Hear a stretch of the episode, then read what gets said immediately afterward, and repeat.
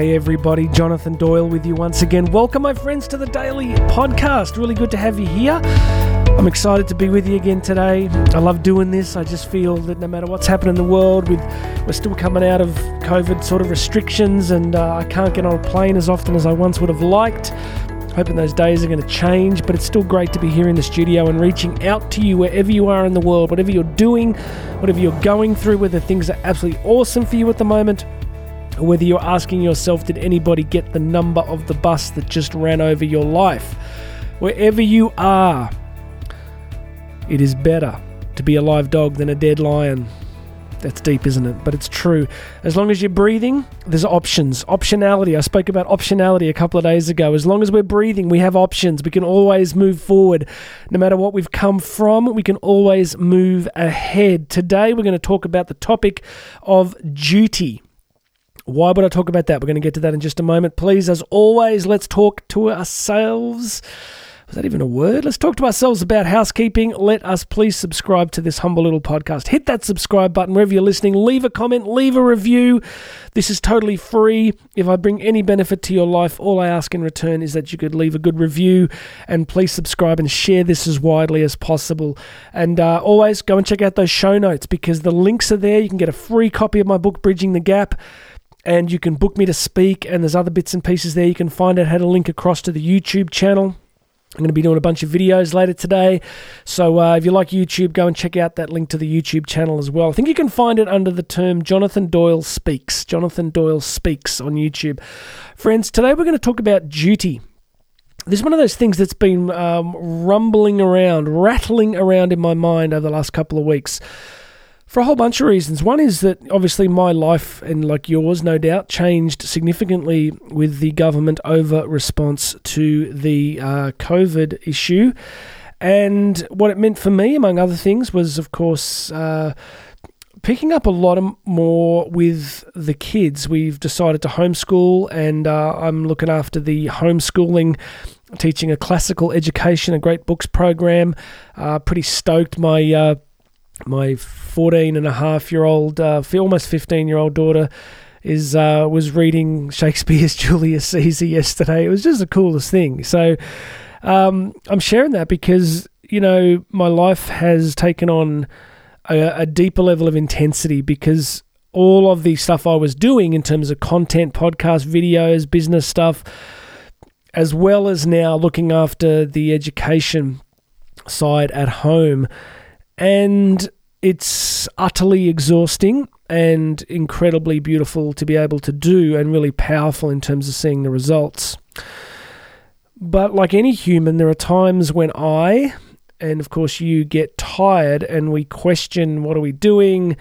And there's that deep narrative of the tension between self-actualization, which is what I want from life. What's it, what what's what's significant for me to have, achieve, be, do, and what do I owe to others? I think this tension always exists in human history, but I'm going to suggest it's a little like a pendulum, and at different moments in history, it swings to other to, to various extremes. And I'm going to suggest that we are really in an extreme at the moment, and it's the extreme of radical self obsession. How can I prove this? Well, two words social media of which I don't really have any. The only thing I have is that I publish on YouTube because I like it as a platform and it's one of the least evil at the moment. But give them time, they'll catch up. Uh, you know, I think it's a culture that is embedded in the radical autonomy of self, self promotion, self actualization. The filter through which many people, not all, many people live their lives is the filter of self what do I want? Why aren't I happy? How do I get happier? How can I get what I want? And then there's the whole self promotion side, the, the curation and construction of a life based on nothing other than the promotion of self and presenting to the world this ideal of selfhood that at its you know at its extreme ends is designed to sell products and to which you know that's we have economies, we have people can reasonably make profit from presenting aspects of their lives. You know, heck, I do this podcast that leads to speaking opportunities and engagements and coaching and other online stuff. So but I think you understand what I'm saying, right? I, I hope that you don't sense in me some kind of radical self promotion. Look at me, look at me. If I did, I'd be back on Instagram in a heartbeat, and I'm not. So, what I'm getting at, friends, is there is an inherent danger in a culture that becomes radically self obsessed. Why? Because ontologically, which is, I guess, ontology is the essence of being, of what it means to be. Ontologically, and also in terms of philosophical anthropology, we are an incredibly social species. We've we've become the apex predator, if you will, the dominant species, because of things like cooperation and empathy and the ability to read facial expressions and understand emotions and intentions and moods. So we really are an extraordinary species.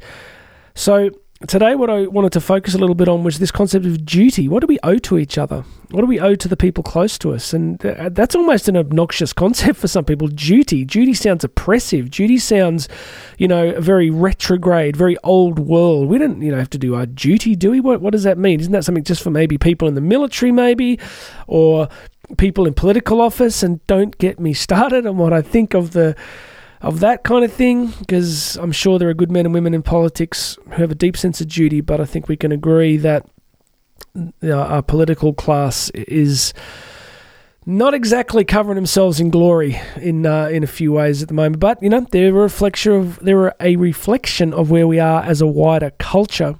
What is our duty? What do we owe to each other?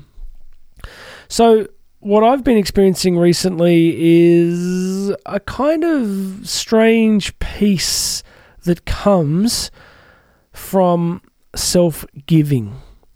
A kind of peace that comes from trying as often as possible to be solicitous and caring of the people in your orbit. Let me give you a quote here from Marie Curie, one of the great figures of history. She said this You cannot hope to build a better world without improving the individuals. That's where she starts. Isn't that a good point? It's just so obvious. See, our culture at the moment, I'm, I'm convinced, is obsessed with programs, programs, programs, programs, you know, debt funded programs. You know, our GDPs are shrinking, our populations are aging, we're printing huge amounts of money, and we just run program. We just fund billions and billions and billions of dollars into various programs. So we believe we're acting as if we can improve the world through just nothing but structural reform and programs. It has a place. I don't think it's a very big one, but she says you cannot help to build a better world without improving the individuals. She go. This is the rest of what she says. To that end, each of us must work for his own improvement, and at the same time, share a general responsibility for all humanity. A particular duty being to aid those to whom we think we can be most useful. Hear that again Our particular duty being to aid those to whom we think we can be most useful. There's a lot in that. She's telling us that the way to change the world is through improving individual people. There's two ways to do it. One is we improve ourselves. That's what this whole thing is about. All of what I do is try to help people improve themselves and you know try to move people, just move the needle fractionally each day, improve ourselves, and at the same time taking responsibility to aid those, our duty, she says, our duty being to aid those to whom we think we can be most useful. When I get out of the studio today, my duty will be to uh, doing homeschooling here, giving the best that I can to aid the improvement that that's coming through that home education here with the kids. To my duty is to be the best possible husband I can be to Karen. She's been really crook. She's been really unwell. So, to support her, to care for her, my duty will be to positively impact any people that I encounter today and little things, just like in terms of being polite, kind, um, thinking about other people's needs in the general public, in you know, shopping, if I'm out somewhere, just having a basic sense of what is the appropriate thing to do for people in this context. The technical definition of the concept of justice if you go back to the Aristotelian concepts of the cardinal virtues, right? So the classical Greek philosophers and then into the scholastic tradition of the late medieval period, you look at this idea of virtues, and the classical virtue of justice is defined as this to give to another person what is due to them because of what they are to give to another person what is due to them because of what they are. So our duty to people is based not just on a sense of we think we should do X, you know, because if you look at a purely humanist, utilitarian vision of what I'm saying, it's basically this we need to be vaguely nice to each other because if we don't, we're going to kill each other. That's kind of a purely humanist utilitarian approach. I'm going to a level deeper, which is every individual human person is created in the image of God. They have incredible dignity, value, and worth just because of that fact. Therefore, we should treat people in a particular way because of what they are. So, duty is about doing the right thing because it's the right thing for the right reason, in the right time, at the right place, for the right people. And who are the right people? Whoever's in front of you. What is your duty to the right people? It's the duty to whoever's in front of you. It's about showing up and doing self sacrificial things when you don't feel like it. It's about doing self sacrificial things when you don't feel like it. That's important, it's significant. So, duty is to improve ourselves and improve the life and experiences of those around us. Can you imagine? One of the ways to think about this is imagine a world where this was happening consistently. And there's been times in history where it wasn't too far off that you know, you look at here's an example. You look at say the Amish community, right? The the Amish or the Amish community. Now, I've never been to their communities. I, I'm sure they're full of humans, and there's all sorts of tensions and challenges that go on. But let's not deny that one thing they have mastered is the art of profound duty towards each other, of always showing up and doing their duty to their community and to each other. Often I talk about elite sporting teams or elite special forces units, one of the things that makes them so successful and impactful is not just the level of training, but the sense of duty to the higher ideal, the sense of duty to each other, to the man or woman next to them, and to the higher ideal. So I think we've lost a bit of this. I think we've lost a sense of doing hard things that are uncomfortable for us when we don't feel like it because it's just the right thing to do. It sounds like incredible common sense, but as we often say of common sense, it's just not that common.